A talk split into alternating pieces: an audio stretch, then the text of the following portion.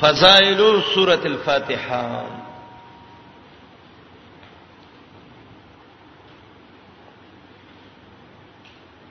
د سورته فاتحه فضیلتونه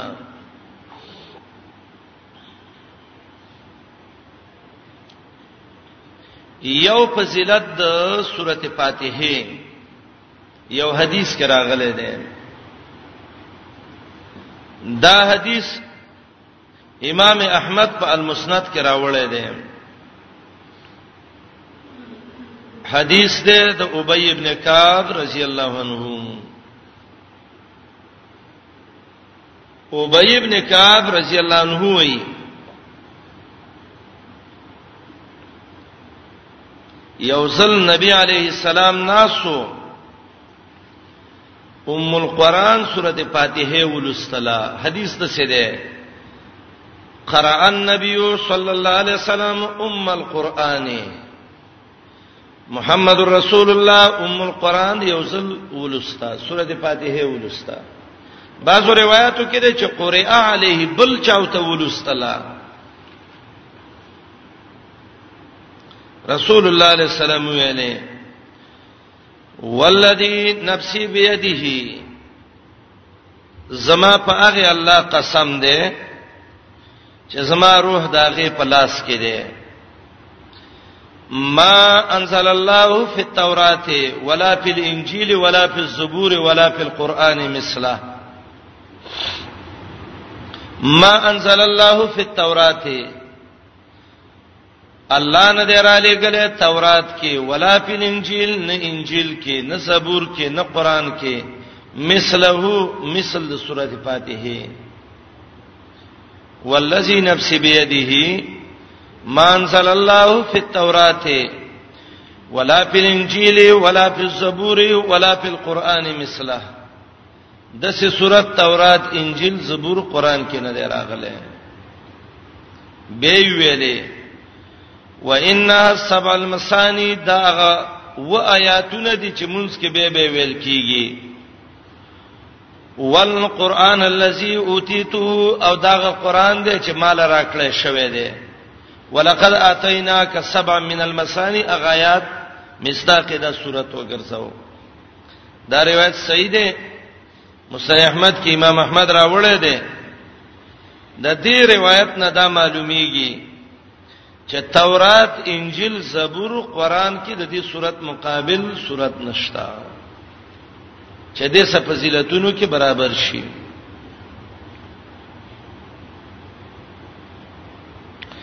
دویم یو روایت ده د ابو سعید خدری رضی الله عنه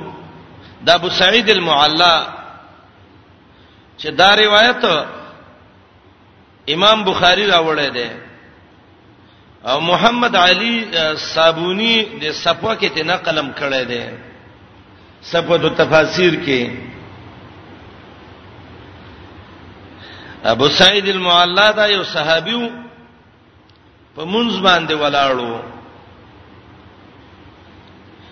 رسول الله علیه السلام ته ویل ابو سعید راش هغه مونږ پورا ک بیراغه وتوي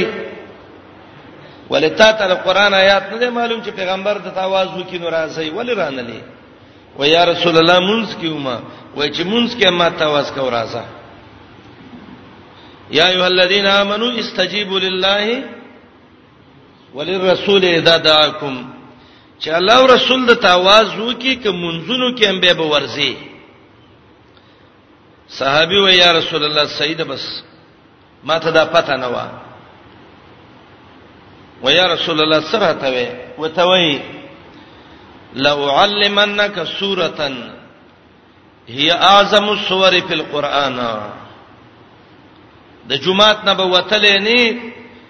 یو دسه صورت به توخم چې ټول قران کې به دا څه دا بلوي صورتي غټ صورت د تویمه خان ابو سعید المعلا وای ما ته ویلې الحمدلله رب العالمین سورته فاتحه را ته ولستا به را ته ویلې هي اعظم سورته په کتاب الله قران کې دا ډیر لوی سورته ده د مقصد په لحاظ سره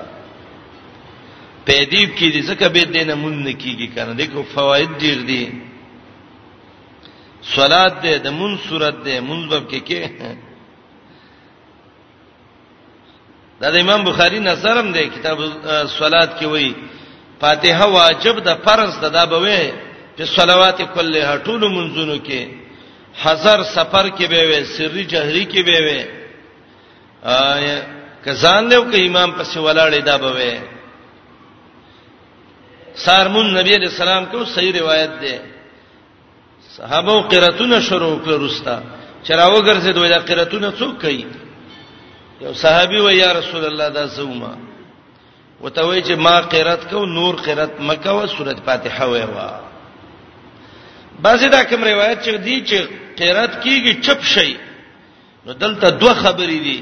یو عام قرات دی یو قرات د فاتحه دی عام قرات به نه وي دغه حدیث په دلیل دی صحیح روایت دی چې نور قرات به نه کوي مګر فاتحه به وي وي باید صدقان رونه وي یره سه بدل ته خدای الله نه په د کمال د پاره دی سچا شي ویل دي کنه لا صلات معنا دا چې پوره مون نه دی سید د قستا خبره منو معنا وکبه سا کم مون چې پاتې حب کې ونه ویلې شي مونږ دې خو پوره نه دی نقصانی مونږ دې نو پیغمبر علی السلام نقصانی مونږ خلکو ته خو د پوره مونږ یې خو دا نقصانی مونږ خو ټوټه کې تاویږي او حدیث کې دی د مونږ کون کې مخ نه اشتلې کیږي دا مونږ یو پوره مونږ کې نقصانی مونږ مکه د اړیم کې کوټه روپۍ مخلې مونږ کې صحیح مونږ وکړه سر بداوي چې یاره قران کې دي کنه وایذا قرئ القرآن فاستمعوا له چپ شوی په دې پیغمبر علی السلام نه پوي ته دا غنه خپويږي په ولې حدیث سورانه د الله بندا ان شاء الله که جون موافقه وکړه سوره اعراف کې دا مسله ز تفصیلا د الله په مشیت ذکر کومه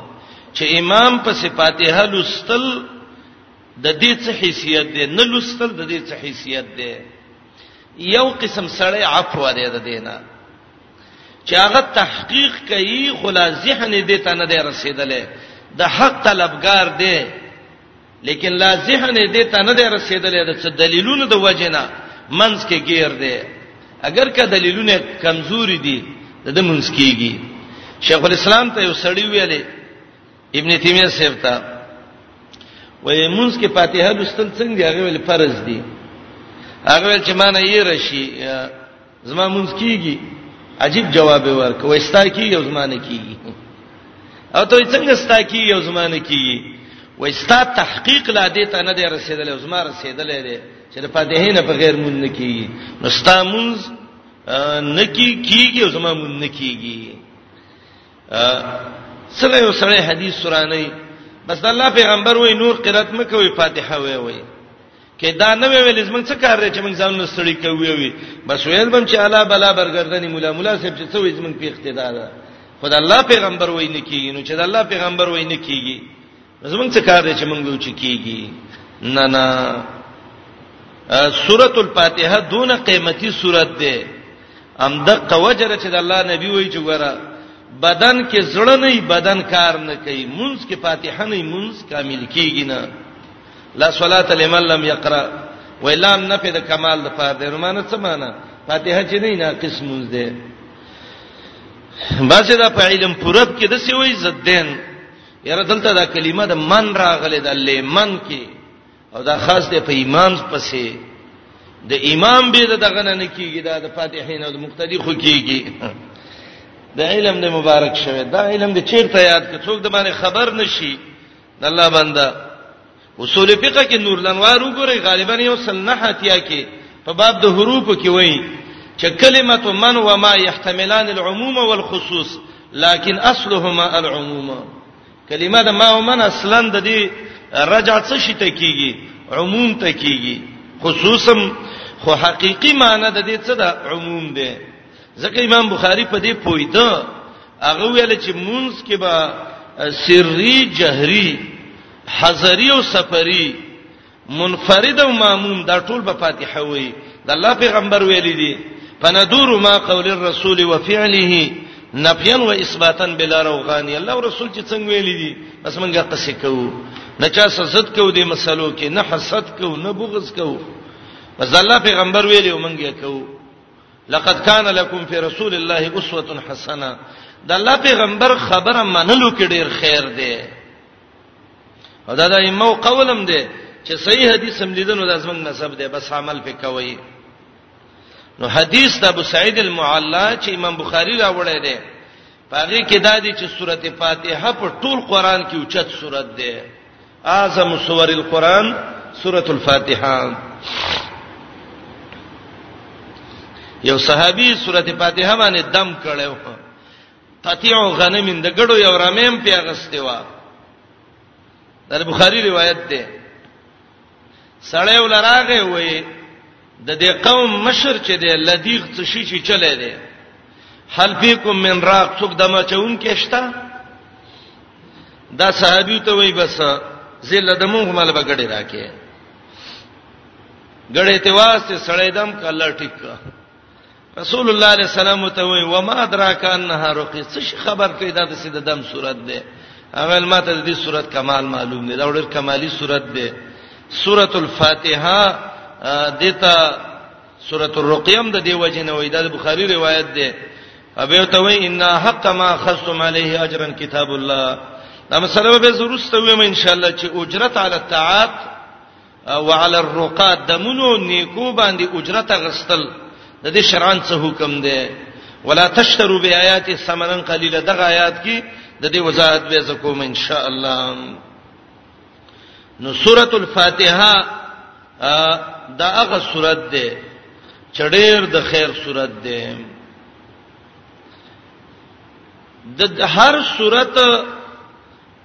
د مخ کې سا یو ربط او مناسبت ضروری د څلور خبرې دي خدا د سینې دی ورونو ګره دلته یو خبره باځي واوري بعضی خلک وایي یاره چې دا و دې نه ویلې وای قران دې نه ویو نه نه د اجتهادي علوم دي د صورت خلاصه او د صورت ربط او د صورت دعوا او د صورت امتیازات د الله او رسول د سینې دی ویلې چې ته د سی ویوا خدا د یو استاد یو طرز او طریقه ده یو استاد په یو طریقه بل په بل طریقه بل په بل طریقه باندې نو کچا یاد کړه وی ویل ډیر خده فائدہ به تر ډیر ورسیږي او کچا یاد نکړه نو دې دا مانند کین چې قران یې ونه ویو د یو صورت د بخ کې سرابت او مناسبت دا یو خبره ده دلته ذکر کومه به به ان شاء الله دا د اخیر د قران پورې نه ویو د دوو سوراتونو په خپل مینس کې ربط او مناسبت چې د دې صورت د دې بل صورت سره څه طریقې باندې مناسبت ده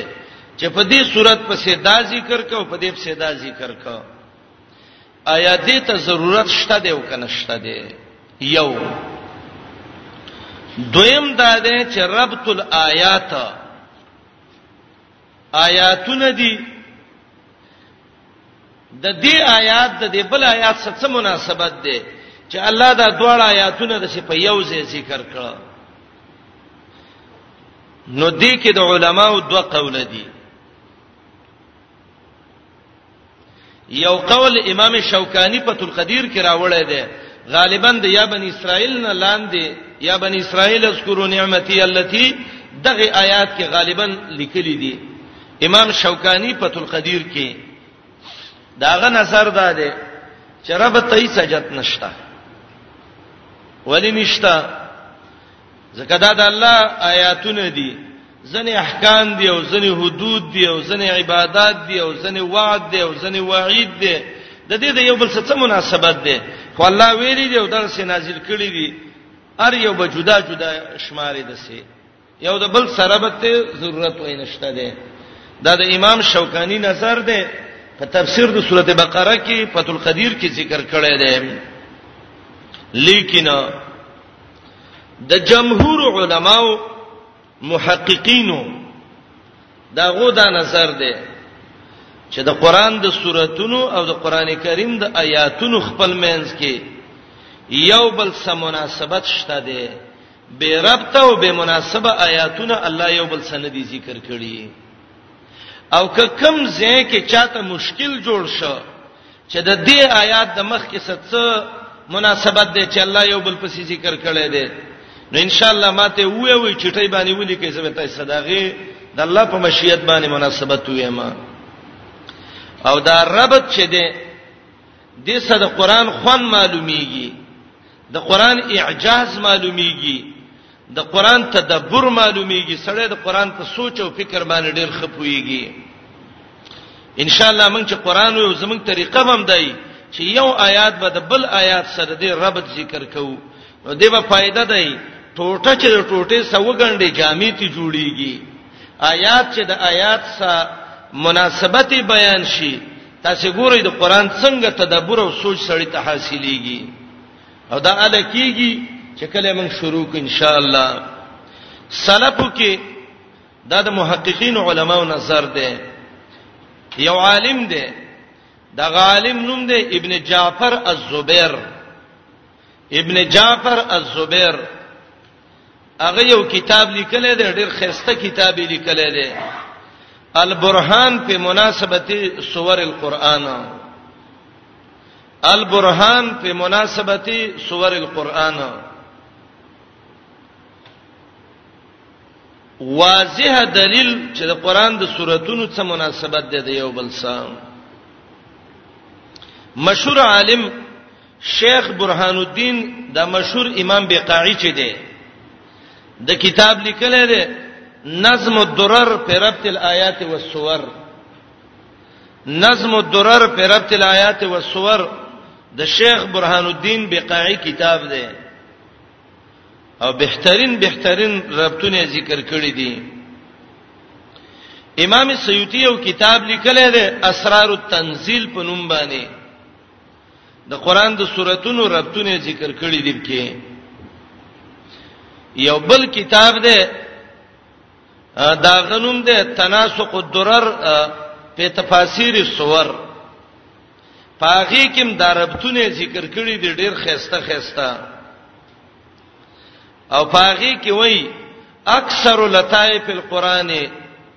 مودعتن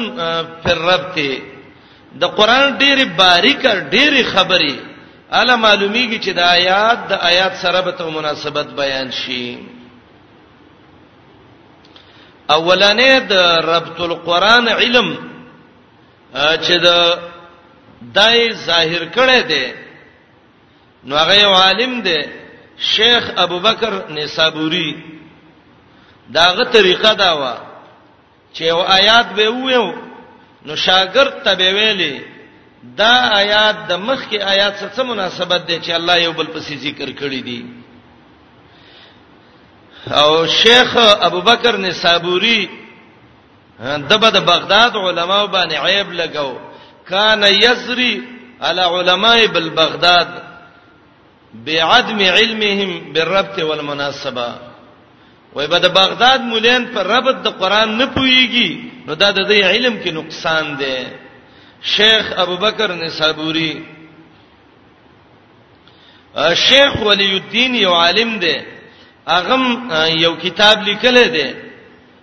او پاغي کې د قران ربطونه ذکر کړی دي عز الدین عبد السلام هغه وی د ربط علم چې دی دا ډېر خسته علم دی د قران ډېر زیات دغه په اعجاز په معلومیږي امام سیوطی الاتقان کې ډېر صفت کړی د ربط القرآن کبیر کې راځي امام لوسی اکثر علما دا رب ذکر کوي مهایمی او تفسیر لیکل دي تبصیر الرحمن په تفسیر القرآن د امام مهایمی کتاب دی او پاغي کې دا وایي چې رب د قرآن بهترین علم دی په دې باندې د قران ډېر ښه تدبر اعجاز د معلومیږي نو سورته فاتحه د دې د مخ کې سورته سره بته نو د فاتحه ربط نشته ولی دینه مخ کې سورته نشته دینه متنبی وای جړلې چا ویل ولی جړلې وای وشکیتی فقد السقام مرز را باندې ناراضي یو چا واقعي ذکر کړی دا چا ورته ویل ولی مرز ناراضی باندې ته جاړي نو هغه وجه وای قد لانه قد كان لما كان لي اعزاو اندامو مرز براغه مرز اندامونه ختم کړو زو مرز په څه شی باندې راشي وشیکیتی فقد السقام لانه قد كان لما كان لي اعضاء نو مخ کې چې بل سورتي ربط به وي فاتحه اول ما یفتتح منه القران دا هو ابتدا ده نو دینه مخ کې بل څه سره ربط بیانې دویم شی دی ورونو دعوه السوره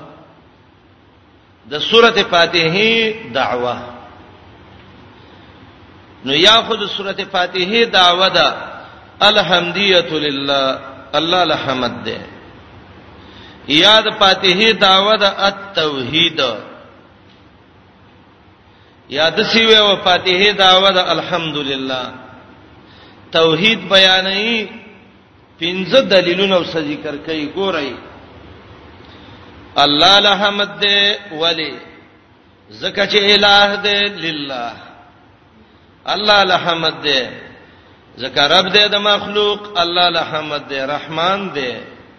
رب له حمد دې رحیم دې رب له حمد دې مالک یوم الدین دې اولوہیت ربوبیت رحمانیت رحیمیت مالکیت پنځه صفاتونه در رب العالمین الحمدلله د سورته اجمالی خلاصہ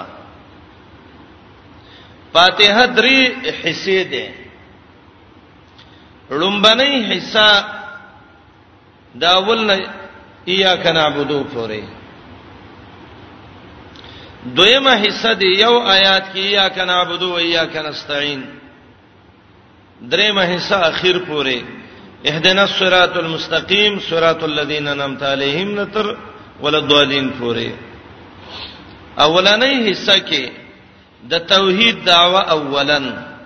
الحمدلله پنځه عقلي دلیلونه په ذکر د پنځه صفاتونو د الله الله رب رحمان رحیم مالک دویمه حصہ کې نتیجه د دعوی الله الحمد ده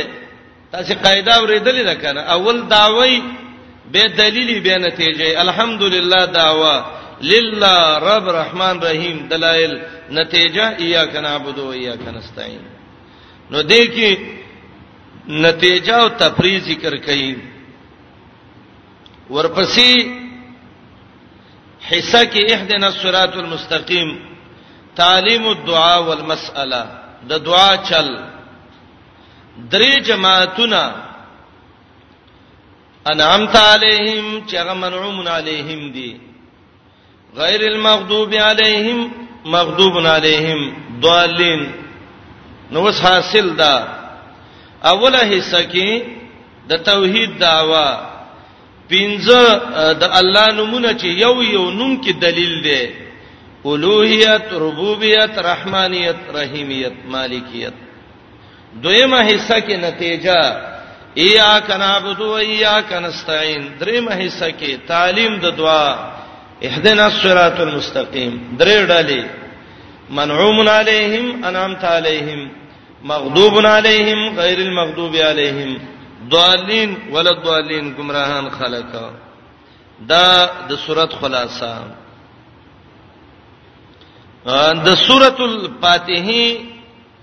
خصوصیتونه او امتیازات